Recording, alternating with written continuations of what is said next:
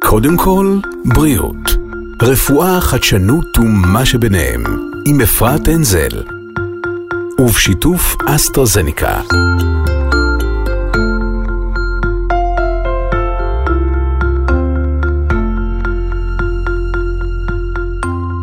שלום וברוכים הבאים לעוד פרק בפודקאסט, קודם כל, בריאות. אני אפרת אנזל, והיום אנחנו כאן כדי לדבר על קצרת, או בשמה הלועזי והמוכר הרבה יותר, אסתמה. ללא ספק מדובר באחת המחלות המוכרות ביותר, עם שכיחות גבוהה במיוחד, עשרה אחוזים מהאוכלוסייה בממוצע סובלים מאסתמה בדרגות קושי שונות. בשני הפרקים הקרובים ננסה להבין איך המחלה נכנסת לחיינו, איך מאבחנים אותה, איך מתמודדים איתה, כמובן נשמע גם על מגוון הטיפולים הקיימים היום. ואני שמחה מאוד לארח באולפן שניים מהמומחים הגדולים ביותר בתחום. איתנו פרופסור ננסי אגמון לוין, מנהלת המכון לאימונולוגיה קלינית, אנגיואדמה ואלרגיה בבית החולים שיבא תל השומר. שלום לך. שלום וברכה. ושלום גם לדוקטור אמיר ברשי, מנהל מערך רפואת הריאות במרכז הרפואי האוניברסיטאי ברזילי, שלום גם לך. אז באמת הרבה מאוד אנשים אה, מכירים את המונח אסתמה, את המשאף הכחול המפורסם, את הסימפטום הכי נפוץ, הקושי לנשום. אה, ואמרתי, עשרה אחוזים מהאוכלוסייה סובלת מאסתמה, ומאוד מעניין אותי לדעת, זה באמת עשרה אחוזים מהאוכלוסייה, או שאולי יש יותר והם פשוט מסתובבים בינינו לא מאובחנים? אז אה, אני חושבת שעשרה אחוז הערכה סבירה לגמרי. זה שכיח הרבה יותר בילדים, שם המספרים מגיעים גם עד 17 אחוז, ושכיח טיפה פחות במבוגרים. באמת חלק מהאנשים בסופו של דבר מתגברים על המחלה, או, או המחלה פוחתת אצלם, ויש בהחלט אחוז לא מבוטל של אנשים שאינם מאובחנים, אלה אותם אנשים שהתרגלו לסבול, להגביל את עצמם, לצפצף קצת, לא לנשום טוב ולעבור הלאה. ואם הם שומעים אותנו עכשיו, אז זה לא הדרך בדיוק. הנכונה. אם הם שומעים אותנו עכשיו, או מישהו ממכריהם שומע אותנו עכשיו, ואתה מכיר מישהו לידך שמה שנקרא מצפצף ומשתעל, אז אה, אולי כדאי שיאזין לפרק הזה. אה, דוקטור ברשי, מה זאת המחלה הזאת בעצם? מה קורה בה? אוקיי, okay, המחלה הזו אפשר לקרוא לה גם רגישות יתר של הסימפונות. זה מצב שבו אה, דרכי האוויר, צינורות האוויר שלנו, הם הרבה יותר רגישים אצל האנשים שסובלים מאסתמה, לעומת אנשים שלא סובלים מאסתמה. והרגישות הזו מתבטאת בזה שמערכת החיסון שיושבת בתוך הסימפונות, אה, אה, בדפנות של הסימפונות, היא הרבה יותר פעילה וגורמת לתהליך דלקתי, דלקת של הסימפונות, אה, כתוצאה מחשיפה לכל מיני דברים. אחוז מאוד גדול של אה, האסמטים יש להם אה, מרכיב אלרגי ברקע, ומערכת החיסון מגיבה לכל אה, אלרגן, כלומר חומר שאליו המטופל אלרגי, בצורה מוגזמת, ויוצרת תהליך של דלקת, והדלקת הזו מובילה לכל הסימפטומים שדיברת עליהם בחלק, רק חלקית. חשוב כן? לדייק שזה באמת, זה דלקת, זה לא זיהום. לא, יפה מאוד. זה, זה נקודה מאוד מאוד חשובה. מדובר בדלקת שהיא דלקת שאין בה חיידקים או וירוסים שצריך לטפל בהם, אלא זו דלקת שמערכת החיסון שלנו יוצרת, שזה מהות הדלקת האלרגית למעשה, או הדלקת האאוזינופילית, שזה סוג אחר של דלקת אה, שנמצאת אה, במחלות אה, מהסוג הזה. כשהסימפטומים שנובעים הם בהחלט גם קוצר נשימה ש, אה, וצפצופים שדיברנו עליהם, אבל לא צריך לשכוח שיעול ו... ליחה, יש אנשים שרק משתעלים וזו אסתמה ולא, ולא סובלים מקוצר נשימה, והם הרבה פעמים מגיעים אליי למרפאה ואומרים, אה, אני משתעל, ומתחילים לברר שיעול, אבל למעשה כשאני אומר להם זו אסתמה, אז הם אומרים, מה? איך יכול להיות? אני לא, קשה לי לנשום, אני לא אה, מצפצף, כאילו, אני לא צריך אה, משאף, כאילו, ממש לא, אבל זה לא נכון, אבל, לפעמים אבל זה, זה, זה, זה הביטוי. זה בדיוק זה ואתם כן צריכים אה, בדיוק, וזה משאף. הביטוי לפעמים, השיעול, אה, או הרבה ליחה, למשל. למשל. אז כמומחית לאלרגיה, באמת, הוא אמר כאן, יש פה מרכיב אה, אלרגני, מה בדרך כלל גורם אה, להתפרצויות של אה, ההתקף? אז אכן אסתמה היא ברוב המקרים מחלה אלרגית בילדים בוודאי, מעל 95% מהילדים שסובלים מאסתמה סובלים מאסתמה אלרגית, אבל גם במבוגרים, ובמיוחד במבוגרים שסובלים מאסתמה קשה. באותם חולים אנחנו רואים שבין 70 ל-80 אחוז מהמטופלים, הסיבה לאותו תהליך דלקתי שדוקטור אמיר ברשי דיבר עליו, הוא בעצם התגובה האלרגית. אני לפעמים אומרת לחולים, תחשבו על זה ככה, אתם נחשפים לאבק או למשהו שעף באוויר, רוב האנשים במקרה המקסימלי יעשו פו, אתם הצינורות שלכם פשוט מתכווצים. זה כמו צינור שנסתם ואתם לא מצליחים לנשום ומתחילים להשתעל כדי לשחרר את הסתימה הזאת. אז באמת, אותם אלרגנים שעושים את זה בעיקר, הם אלרגנים שנעים באוויר. כי אנחנו צריכים לקבל אותם דרך האף ודרך הפה אל דרכי האוויר שלנו, ואז זה מעורר את אותה תגובה דלקתית, שבאותם אנשים היא תגובה לא תקינה, זאת תקלה אימונולוגית. אנחנו לא אמורים להגיב כן. לאבקנים בצורה הזאת. מי החשודים המיידיים מקרב האלרגנים? למה בדרך כלל אנשים אלרגיים, או שאין לזה משמעות בכלל? או שלא אכפת לנו לדעת מה, מה אלרגן? מאוד אכפת לנו לדעת מה אלרגן. אז קודם כל, אלרגנים שהם מאוד שכיחים, זה אותם אלרגנים שנמצאים בבית שלנו כל יום, וזה קרדית אבק הבית שכולם מכירים.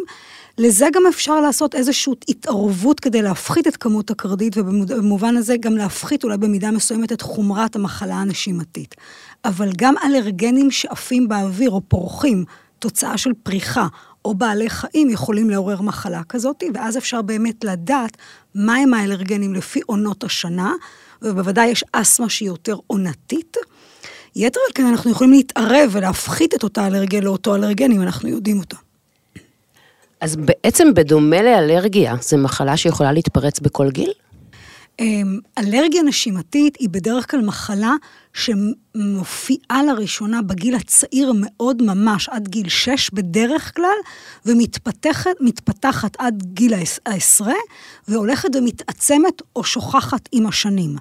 היא לא מופיעה לראשונה בגיל 50 ו-60, אם כי אני חייבת לומר שכמו שאנשים לא יודעים שיש להם אסתמה, הם גם לא יודעים שיש להם אלרגיה, והרבה פעמים האדם יגיע אלינו בגיל 50 עם אותו שיעול שדיברנו עליו לפני רגע, אנחנו נעשה טסטים ויסתבר שהוא אלרגי. ואז כששואלים את אימא שלו, היא אומרת, כן, שהוא היה בן 6, 7, 8, הוא סבל, אבל שכחנו מזה. אז רוב האנשים... כלומר, זה לא מחלה חדשה בגיל 50, אלא פשוט שלא אובחנה קודם. ברוב המכריע של המקרים זה נכון. יש גם אסתמה שמופיעה בגיל המבוגר. היא אסתמה שהמנגנון שלה הוא בדרך כלל לא אלרגי. אחת מהאסתמות האלה היא אסתמה איוזינופילית, שבאמת תופיע בגילאים יותר מבוגרים. זה גם מנגנון אימוני, זה גם תהליך דלקתי, אבל הוא מתווך קצת אחרת. אז ממה הוא נגרם? זו תקלה אחרת של מערכת החיסון.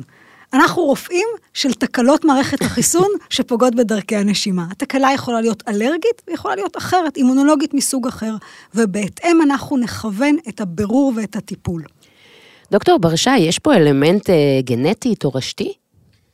אנחנו לא יודעים אה, על גן ספציפי, ויש המון מחקר שנעשה בנושא בחיפוש אחר איזה שהם גנים אה, שיכולים לנבא או שנמצאים יותר אצל אה, חולים עם אסתמה, אה, אבל אנחנו כן רואים את המחלה במשפחות, כלומר הורים אה, אסתמטיים, הרבה פעמים יכול להיות להם ילדים אסתמטיים, אה, אחים אסתמטיים הרבה פעמים, ו- ויש, וזה גם נכון לנושא האלרגי. וזהו, זה יכול להיות גם אלרגיה אחרת, כלומר פשוט נכון. אבא שאלרגי לחתולים וילד עם אסתמה. בהחלט. אני כשאני מלמדת את הסטודנטים שלי, אני תמיד אומרת ככה, תעזבו את כל הסיפורים, אני אסביר לכם את זה בקלות.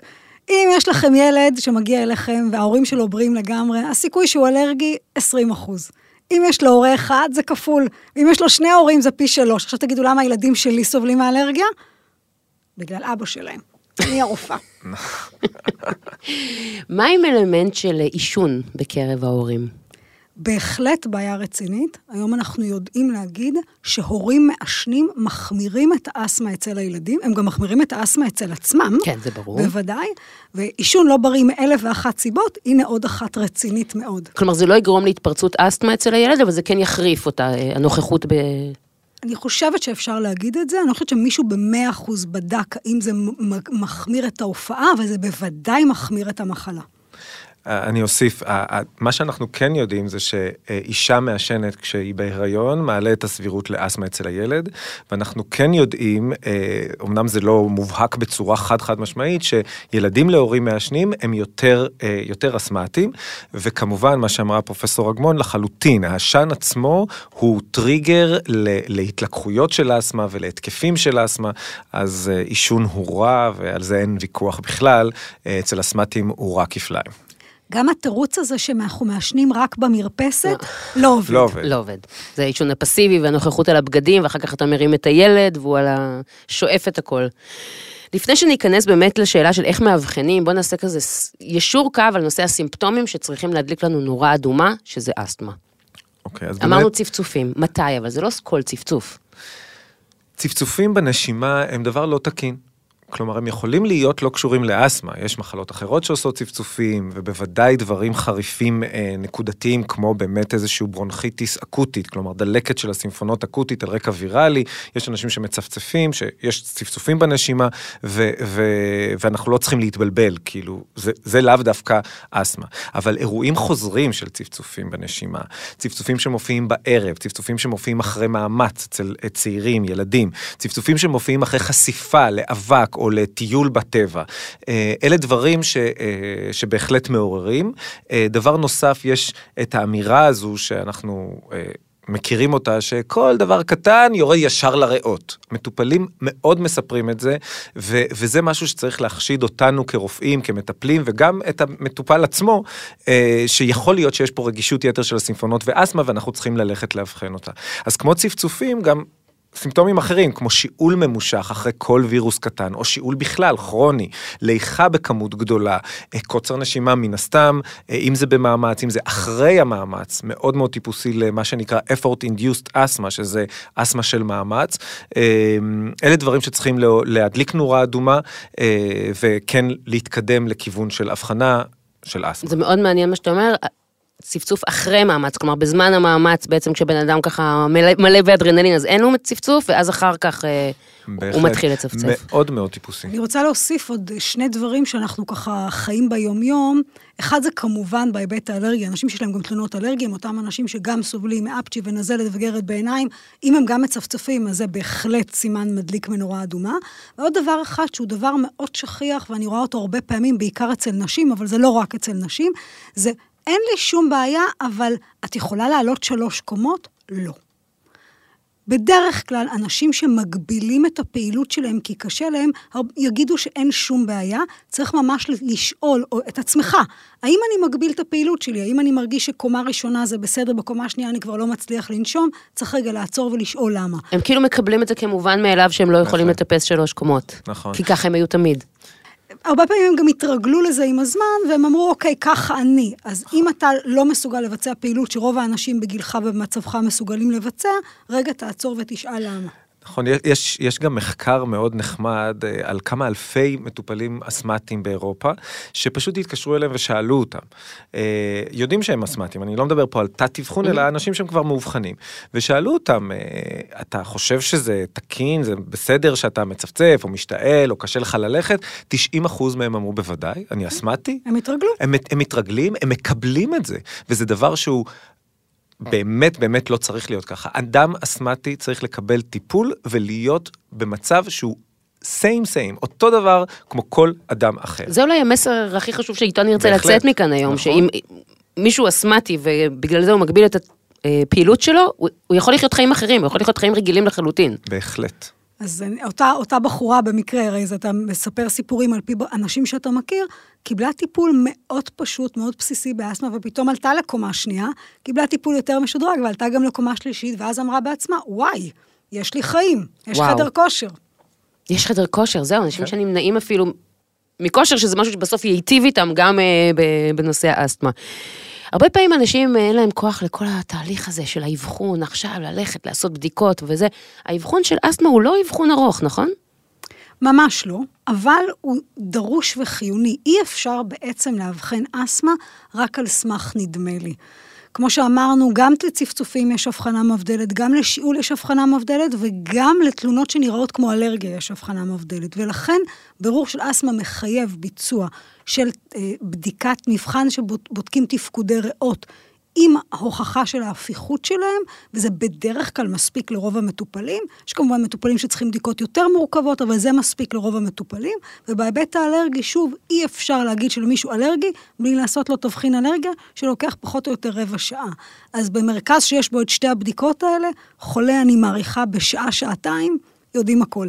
אז אמרנו, אה, בדיקת תפקודי ריאות, ואמרנו תבחין אלרגיה, בדיקות דם צריך לעשות? תלוי, תלוי באיזה אה, מצב. בעבר לא חשבנו שלאלרגיה, אה, סליחה, לאסתמה אנחנו צריכים בדיקות דם, לא חשבנו שיש לזה משמעות כל כך גדולה, רק איזה שהם סממנים שיכולים לכוון אותנו. היום אנחנו יודעים שבחלק מה, אה, מהחולים באסתמה, בדיקת הדם יכולה מאוד להועיל כשאנחנו רוצים לכוון טיפול ביולוגי ספציפי. אבל, אבל אני חושב שמה שנאמר פה נאמר מאוד נכון. לא מדובר במשהו שהוא אה, יותר מדי אה, קשה למטופל להגיע, לעשות תפקודי ריאות, לעשות מבחני, אה, אה, תבחיני אלרגיה, ואני חושב שמשהו שהוא חשוב מאוד גם להוסיף ולהדגיש, שהערכה של רופא שהוא מומחה או באלרגיה או באסתמה, שיודע לאבחן אסתמה, היא הדבר החשוב, וגם אפילו בגיידליינס, בהנחיות הגדולות, הרבה פעמים אנחנו אומרים, ההבחנה היא קלינית, כלומר אתה שומע את הסיפור, אתה שולל דברים נוספים, אתה אוסף את כל הנתונים הנוספים מבחני, אה, מבחני או בדיקות עזר, ויכול לעשות את ההבחנה. זה לא מאוד מאוד קשה, זה, ו- וזה זה אומר קל. שמטופל שרוצה אה, לעבור אבחון לאסתמה צריך להגיע לרופא ריאות לפני האבחון, או שגם רופא המשפחה יכול לשלוח לכל התבחינים האלה? כאילו, אני מבינה שאת ההבחנה בסוף צריך לעשות רופא ריאות, אבל האם, האם רופא משפחה יכול לקצר תהליכים? אני חושבת שחולה אסתמה צריך להגיע לרופא ריאות mm-hmm. וצריך להגיע לרופא אלרגיה. אני אחדד ואומר, אסתמה זו מחלה מאוד שכיחה, כמו שהתחלנו, משהו כמו עשרה אחוז מהאוכלוסייה. אז די ברור שבסטטיסטיקה של מדינת ישראל, הרוב המכריע של אותם מטופלים יגיעו להשגחה של רופא המשפחה שלהם, וגם ראוי שכך, אם מחלתם קלה ומאוזנת בקלות, והם עולים את השלוש קמות והולכים לחדר כושר, ומרגישים טוב כל הזמן, אז זה בסדר.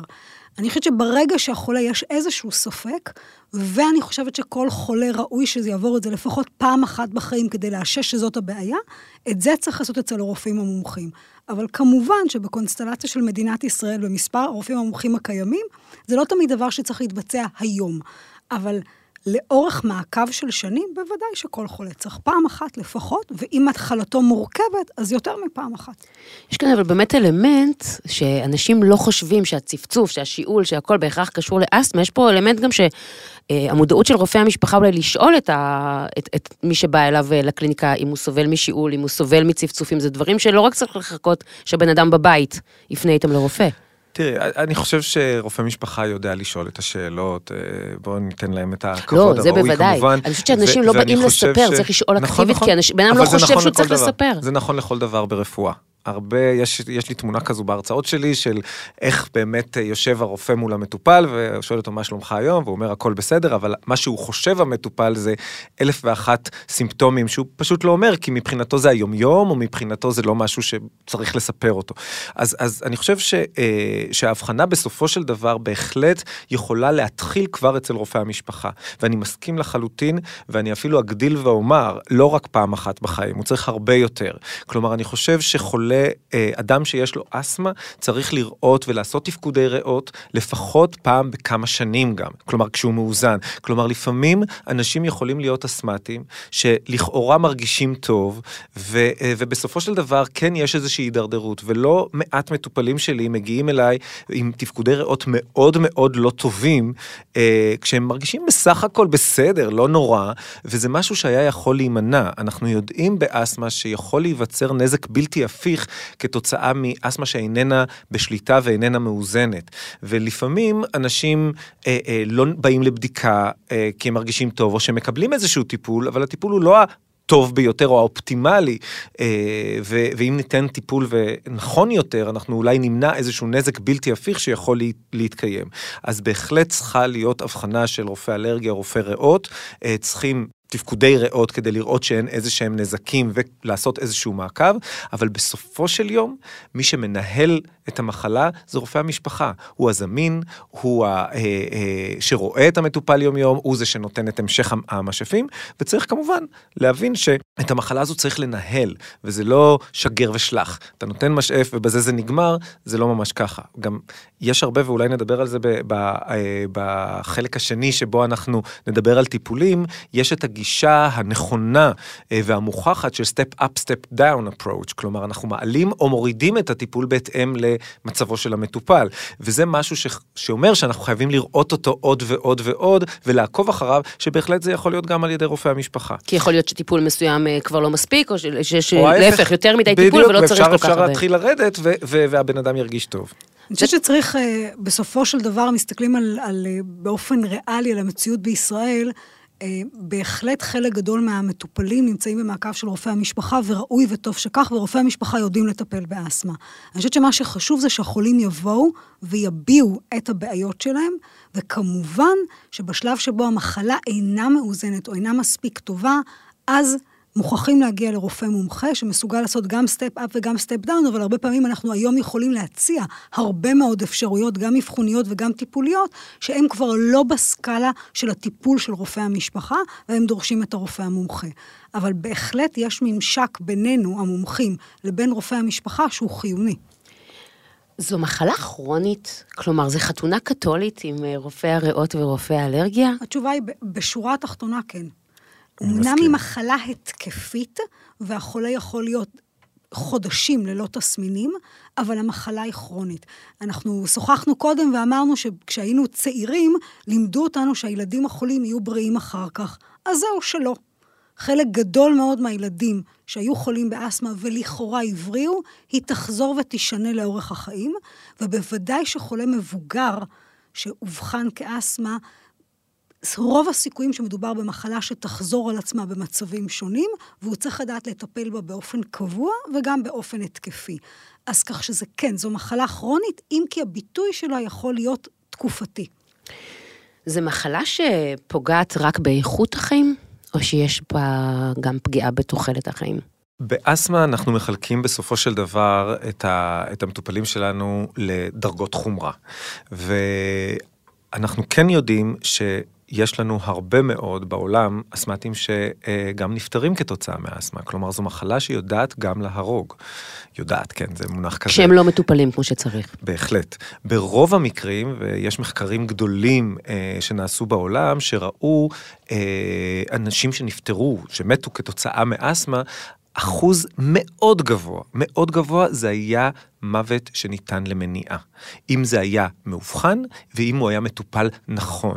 ואנחנו רואים, למשל, אה, היה מחקר מאוד גדול בבריטניה, שהראה ש-79 אחוזים או 80 אחוז מהמקרים הם ממש היה אפשר למנוע אותם אם הוא היה מקבל טיפול במשאף. זה אנשים שלא הקפידו על משאף שמכיל בתוכו סטרואידים, אה, שזה הטיפול הבסיסי באסתמה, אנשים שלקחו המון אה, את המשאף הכחול אה, להרחבת צמפונות קצרת טווח בכמויות מאוד מאוד גדולות, זה היה סממן, אנשים שתפקודי הריאות שלהם היית, היו ירודים, אלה גורמי סיכון לתמותה מהמחלה הזו, ולכן המודעות, אמרנו בתחילת ההקלטה שזה עשרה אחוז מהאוכלוסייה, אבל זה המספר, כמה מהאוכלוסייה מתוך אותם עשרה אחוז יודעים שהם אסתמטיים, האחוז הוא הרבה יותר נמוך. ואז הם לא יודעים, הם לא מטופלים נכון, הם... לא מגיעים אל הרופא, ואז יכול להיות מצב שזה גם מסוכן. אז מה שנקרא, הלחצנו, אז בואו שנייה נרגיע, כי באמת אנחנו מדברים באסתמה על אה, דרגות חומרה. וודאי לא כל החולים, ודאי לא כל החולים נמצאים ב, אה, בתחלואה הקשה, נכון? על איזה דרגות חומרה אנחנו מדברים? אנחנו מחלקים את דרגות החומרה של אסתמה לחמש או שש, כשדרגה אחת היא מאוד קלה וזמנית, אחר כך יש לנו מחלה יותר משמעותית ויותר קבועה, ובסופו של דבר יש לנו מחלה שהיא ממש קשה. אני בטוחה שאנחנו שנינו יכולים כאן לנאום את הנאום של בדיוק מה הקריטריונים לכל דרגה ודרגה, אבל אני אוהבת להסביר לחולים את זה בצורה שהם מבינים את זה, שיהיה להם פשוט. אם המחלה שלך היא מאוד קלה, שרק פעם ב- יש לך קצת צפצופים, ואתה לוקח משאף, בדרך כלל אני לא נותנת לאף אחד את הכחול ההוא, אלא יש לי אחרים משלי, את המשאף שהוא באמת משאף משולב, ואתה מסתדר ואתה מרגיש טוב, ואתה עושה פעילות מלאה, ההתקפים שלך באמת נורא נדירים פעם בשנה, אז המחלה שלך קלה. אם אתה צריך יותר, אתה צריך משאף על בסיס יומיומי, ויש לך תלונות לעיתים יותר קרובות, המחלה שלך יותר משמעותית. ואם אתה צריך ממני גם כדורים, המחלה שלך כבר לא כל כך קלה, ואם אתה צריך ממני טיפולים בזריקות, המחלה שלך קשה. אז זה מאוד קל לאנשים להבין את זה. יש כמובן גם מדדי שליטה במחלה. אנחנו מדברים גם על החומרה, כמה טיפול צריך, וגם גם על השליטה. אותם התקפים של התכווצות דרכי הנשימה, אם זה מופיע, אם זה לא מופיע, המחלה מאוזנת טוב. המטרה שלנו זה שהחולים יהיו ללא התקפים, בפעילות מלאה, וכמו שאמיר אמר, שיחיו כמו כולם בגיל שלהם. זאת המטרה. אנחנו אומרים שזה לגמרי אפשרי, אז אה, אנחנו, אה, בנושא הזה אנחנו נרחיב אה, בחלק הבא.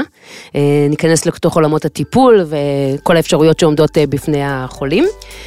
Uh, בפרק הבא, אז כאמור, שכבר אגב זמין לכם להאזנה, אנחנו נרחיב את השיחה על ההבדלים uh, בין אסתמה קשה לקלה ומה הטיפול לכל אחד, נשוחח על הטיפולים השונים, איזה טיפול מתאים לאיזה מצב. בינתיים אנחנו נפרדים, אבל לא להרבה זמן. Uh, תודה רבה, פרופסור ננסי אגמון, תודה רבה, דוקטור אמיר ברשי. תודה רבה גם לכם שהאזנתם לנו, אנחנו מתראים בפרק הבא. אני הייתי אפרת אנזל, שרק נהיה בריאים. מוגש כשירות לציבור בחסות חברת אסטרזניקה. הוקלט באולפני אדיו בשיתוף ספוטיפיי ישראל.